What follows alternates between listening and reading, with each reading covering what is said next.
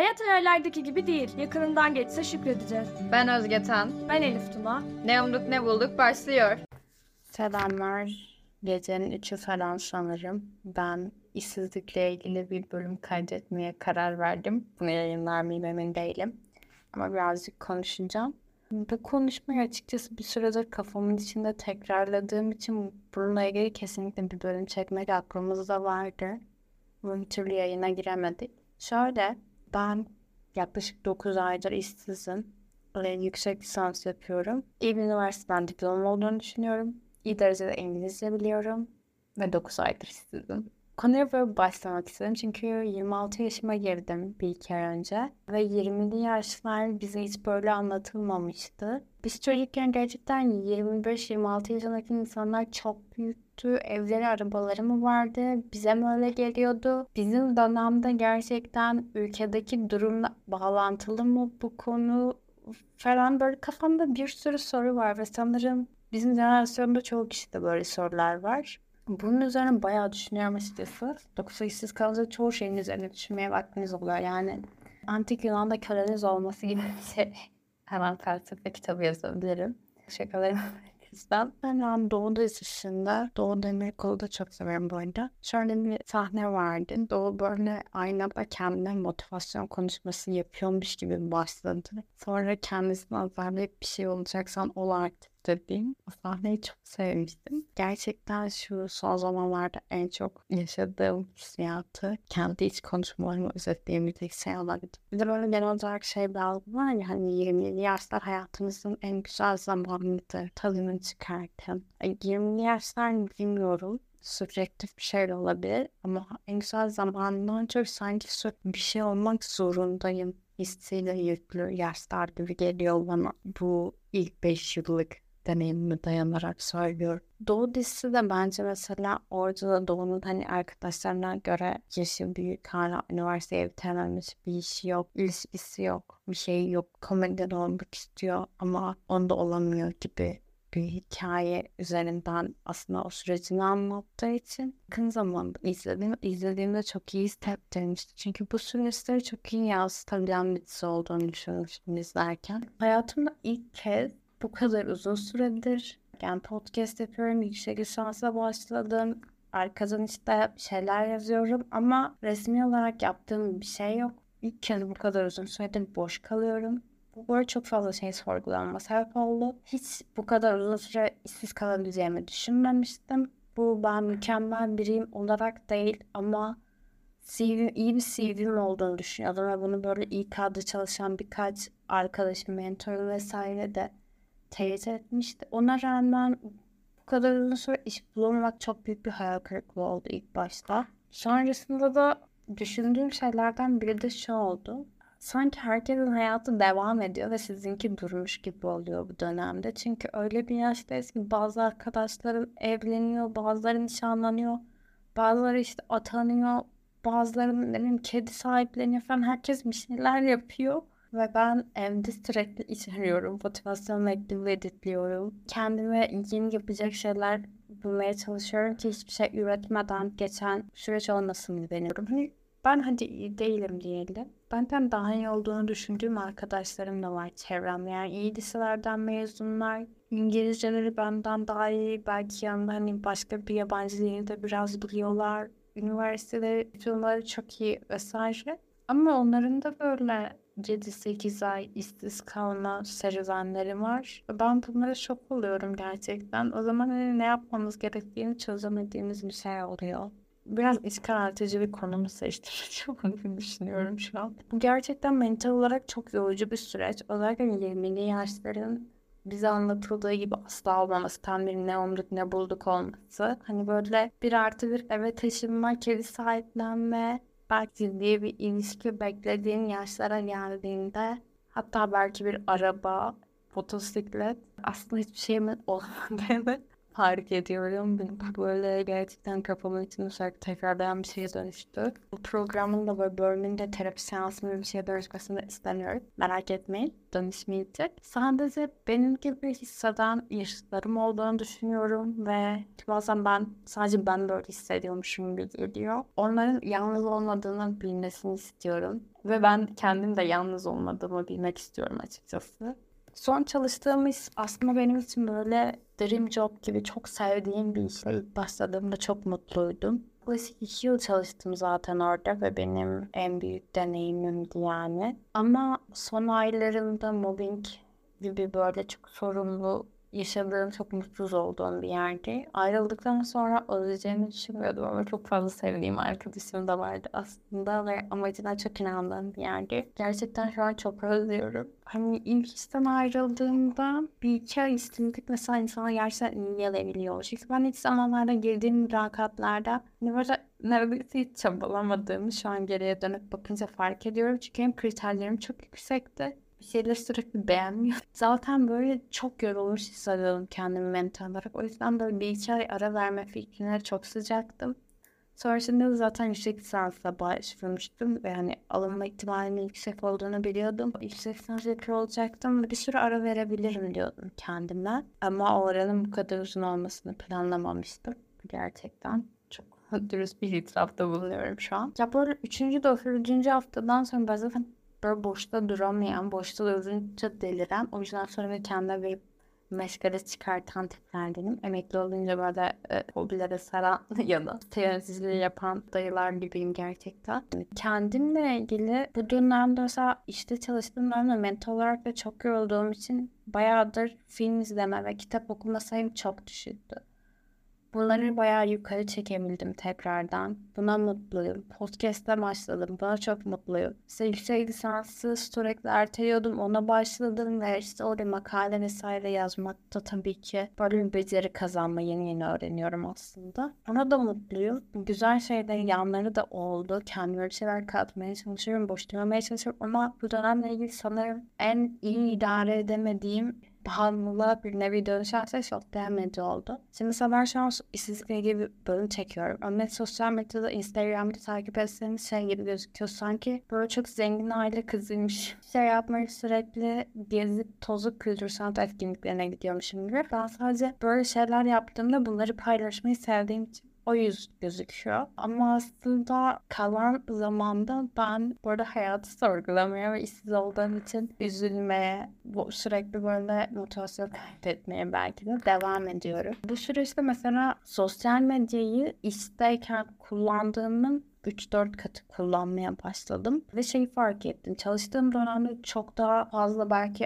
da hani arkadaşlarımla anım, güzel fotoğraflarım olmasına rağmen hiçbir şey paylaşmamışım onları. Ama şu an çok paylaşıyorum. Bunu muhtemelen bir mesleki dezenformasyon yönü de var. Çünkü çalıştığım yerde aynı zamanda sosyal medya yöneticiliği yapıyordum. Ve işten ilk ayrıldığımda böyle haftada 3 postluk planlamalar hazırlardık. Kendime böyle aylık sosyal medya planlaması hazırlamaya başlamıştım ve ilk 3 ay sos kendime sosyal medya planlaması yaptım böyle şey yapmaya alıştığım için. Sonra dedim ki Özge sakin ol bir dur nefes al böyle bir şey yapmıyorsun. Çünkü sen bir marka değilsin. Ama sonrasında da şey oldu. Oturduğum sandalye çok gidiyorum diyor. Umarım mikrofon sesi almıyordur. Çok pardon. Evet sandalye değiştirdim. Her neyse. Pozitif şeyler paylaşıyorum ama her zaman pozitif değilim. Bunun bir yanılsama olduğunu düşünüyorum. Bu da benim için gerçekten ayrı bir ikilem. Mesela sosyal medyada sadece iyi şey şeyler paylaştığımda kendimi çok yalan bir algıya hizmet ediyormuş ve bunu destekliyormuş gibi hissediyorum. İnsanlarda böyle bir algı olsun istemiyorum. Hiç kimse hayat her zaman mükemmel değil. Benimkisi de kesinlikle değil. Ama mesela olumsuz bir şey olduğunda da işte kolumu sakatladığımda, hastalandığımda, annem hastaneye yattığında vesaire yakın arkadaşlar dahi olsa bir şey paylaştığımda sonradan kendimi çok kötü hissedip genelde geri dönüp hissediyorum. Çünkü bu da bana böyle indim manyağı hareketi ve sanki benimle ilgilenen bana geçmiş olsun yazın. Mişim gibi bir his çıkıyor bana. Bu insan hayattığında aslında öyle düşünmüyorum. Yani gerçekten aa ne oldu, iyi misin gibi dönüşler yapmaya çalışıyorum ve asla dönüp hani aa bu da ilgi manyağı ya hani falan demiyorum. Çünkü bu da hayatımızın bir parçası. Ama ise kendim yaptığımda bunu konduramıyorum. Neyse sosyal medya üzerine çok konuştum ama İşte bu işsizlik sürecinde benim böyle bir nevi bağımlılık gibi aşırı sardığım şeylerden biri bu olmuştu. Düşüncesini önemsediğim arkadaşlarım diyeyim hani artık çok görüşmesem de beni sessize falan aldı. Bazı arkadaşlar artık çevreme bakmıyor. Bunları fark edince böyle üzülüyorum. Böyle aşırı yargılayıcı bir iç sesim konuşmaya başlıyor. Çok boş bir insan olduğunu özge diyor o iç ses bana öyle.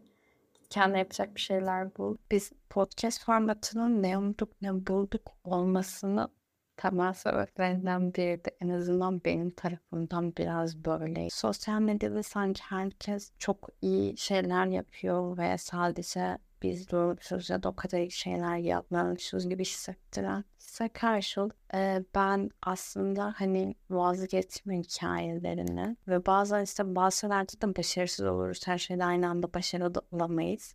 Bu hikayelerin anlatılmasının kıymetli olduğunu düşünüyorum. İşsizlik süreci nasıl başladı ve neden bu kadar yorucu bir şeye dönüştü ona biraz konuşmak istiyorum. Tam o arada deprem oldu. Bunu dinleyenler arasında herhangi bir o şehirden olan insan varsa herkese gerçekten tekrar geçmiş olsun demek istiyorum. Ben de aslan zaten oralardanım. Her neyse tamam konuma döneceğim. Ve deprem olduktan sonra ben STK çalışanı yani insani yardım alanında çalışan biri olduğum için o an yaptığım diğer her şey bana çok anlamsız gelmeye başladı ve sahaya dönmek istedim. Orada olmak istedim. Sahaya gidebileceğim birkaç yere başvurdum ama olmadı. Sonra şeyi fark ettim. Ben gerçekten bir şeyleri yarım yamalak yapmayı seven bir insan değilim. Ama aklım hep sahada kaldığı için o ara yüksek lisansa da kendimi hiç veremiyordum. Bir karar aldım ki tamam o zaman burası zaten olmayacak gibi ve ben kendime yüksek lisansa %100 odaklanmalıyım ve dönem bittiğinde tekrar o zaman bir şey yapabilirim. Ya çok kişisel deneyimim üzerine anlatıyorum biliyorum ama Haziran ayı benim için şöyle geçti. İlk iki haftası gerçekten sürekli makale yetiştirmeye çalışmakla, sınavlar ve makale yazmayla geçti. Üçüncü haftasında TYDA'da ile birlikte gönüllü olarak Hatay'a gittim bir hafta. Samandağ'daydım. Orayı gerçekten çok seviyorum. Hataylılara selam söylemek istiyorum burada. Son haftasında arkadaşlarımla tatildeydim. Zaten Kurban Bayramı haftasıydı. Ve ben gerçekten aşırı polyanla, aşırı umutvari bir şekilde Haziran'da aktif olarak iş aramaya geri döndüğümde Temmuz, Ağustos gibi bir işim olacağına aşırı inanıyordum. Bu yüzden bankadaki paramı da aslında böyle beni Ağustos'a götürebilecek şekilde harcamaya bir planlama yapmıştım. Sonra o plan aşırı patladı. Şu an Eylül'ün sonlarındayız.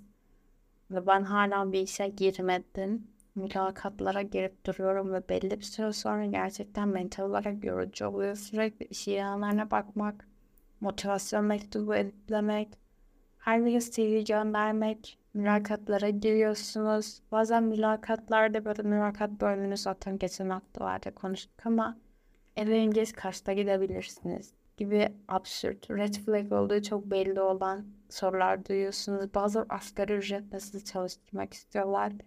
Ve ben bunu sindiremiyorum açıkçası. Buna mecbur bırakılmaktan da hiç hoşlanmıyorum. Çünkü ortaya bir emek koyacağım. Kadifiye biri olduğumu düşünüyorum. İşsizliğin çok olmasını sanki böyle fırsatı çeviriyorlarmış gibi hissettiğim bir noktadayım. Sürekli hak ettiğimizin altında maaşlar veriyorlar. Ben ailemle yaşamama rağmen hani o ücretler sen çok düşük bir hayat standartım olacağını farkındayım. Bir de tek yaşayan yaşıtlarımı düşünüyorum ya da ev arkadaşı. Bu çok zor bir şey yani bu hiç gerçekçi değil ve bunu ne yapacağımızı bilmiyorum. De şu an mesela çalışan arkadaşlarımla görüşüp konuştuğumda bile hani onların dertlerine bile neredeyse özeniyorum ve onlara böyle hani bunun kıymetini bilim talandırmaya çalışıyorum ama doğal olarak onlar da benim söylediğim şeyde toksik olumlama gibi yankı buluyor. Bunu da farkındayım. Onların da hani beni anlamadığını biraz da hissediyorum. Çünkü tüm o iş koşturmasında hani benim böyle müze gezen, sinemaya giden vesaire halim çok cazip gözüküyor olmalı. Halbuki 24 saat hayatını sorguladığım bir gerçeklikteyim. En sevmediğim şeylerden biri de mülakatlarda olumlu ya da olumsuz size dönüş yapacağız dedikten sonra olumsuz olduğunda genelde dönmemeleri. Böyle ghostingleyerek senin anlamanı beklemeleri. Sağlıksız bir ilişki kuruyorsunuz şu an beyefendi ya da hanımefendi diye böyle mailler atmak gerekiyor ama atmıyorum. Her neyse. Yasemin'le şimdi bunu sık sık konuşuyoruz. Bunlar acaba bizden ne istiyor diye. Çünkü geri bildirim de vermiyorlar. Hani benim neden olmadığımı bana söylesen keşke ve ben de eğer bir eksiğim varsa ona yönelip kendimi geliştirirsem. Sonuçta ben oraya bir zaman ayırıyorum. Mülakata giriyorum. Motivasyon mektubu yazıyorum. Sen bana bir geri bildirim vermiyorsun. Neden direndiğimi bilmiyorum. Buraların neden terk edildiğini bilmeden bir ilişkinin bitmesi gibi insana kafayı yedirtiyor. Özellikle ben girdiğim birkaç mülakatta da ya biz aslında sizi çok beğendik. İki aday arasında kaldık ama sonra diğer adayla devam etmeye karar verdik diye elendim. Canım sıktı. Yani şey gibi onun benden daha iyi olduğuna inanmışsınız ya da kura çekmiştiniz bilmiyorum. Ama bana neden olduğunu da söylemiyorsunuz. Sadece sen de çok iyisin aslında. Sorun sende değil bende diyorsunuz. Bu biraz can sıkıcı. Bu bölümde muhtemelen çok fazla can sıkıcı dedim. Çünkü can sıkıcı her şey yani. Yani bu yaşlarla ilgili sanırım en kötü şey belirsizlik. İnsan psikolojisinde zaten belirsizlik insanı çok darlayan bir şey. Yani ne olduğunu bildiğiniz şey kötü bile olsa size tahammül edilebilir geliyor ama bilmediğinizde gerçekten böyle anksiyeteniz tutuyor. Ve ben şu an mesela ne olacağımı bilmiyorum. Süre geçtikçe artık kendimi ne olarak tanımlamam gerektiğini de bilmediğim bir yere evrildi. Ben 26 yaşındayım. Bir romanım yok, işim yok, kedim yok, evim yok, şeyim yok gibi bir yere geldi. Mentorum bu bölümü dinleyince bana kesin şey diyecek. Özge sen işin ya da arkadaşların ya da sevgilin değilsin. Sen sensin. Kendi böyle şeyleri tanımlama gibi. Evet bunun doğru olduğunu da biliyorum. Ama sanki içinde yaşadığımız, büyütüldüğümüz sistem bizi böyle şeyler üzerinden tanımlamaya da çok iten bir sistem. O yüzden bunlar elimizden alındığında ya da bunlar olmadığında kim olduğunu bulmak gerçekten çok zor bir şeye dönüşüyor. Yani ben bu süreçte baş etmek için dediğim gibi eh, akademiyi, akademiye girdiğim için aslında biraz bir sürecim başladı. Akademiye sarıldım diyemem ama kendimi daha çok vermiş olabilirim. Belki neyse. Ee, kültür sanata sarıldım. Ama başka ne diyebilirim bilmiyorum. Bu da ama benim kendimce baş etme yöntemlerimdi. Süreçte belki sizin de başka baş etme süreçleriniz vardır. Instagram hesabından ya da mailden bu konuyla ilgili ya da bölümle ilgili, podcastla ilgili genel yorumlarınızı da bana, benimle paylaşabilirsiniz. Çünkü ihtiyacım var. Evet, sanırım söyleyeceklerim bu kadardı ya. Dediğim gibi bölümü de ondan emin değilim. Ama kendinize çok iyi bakın. Dinlediyseniz eğer bu bölümü. Görüşmek üzere.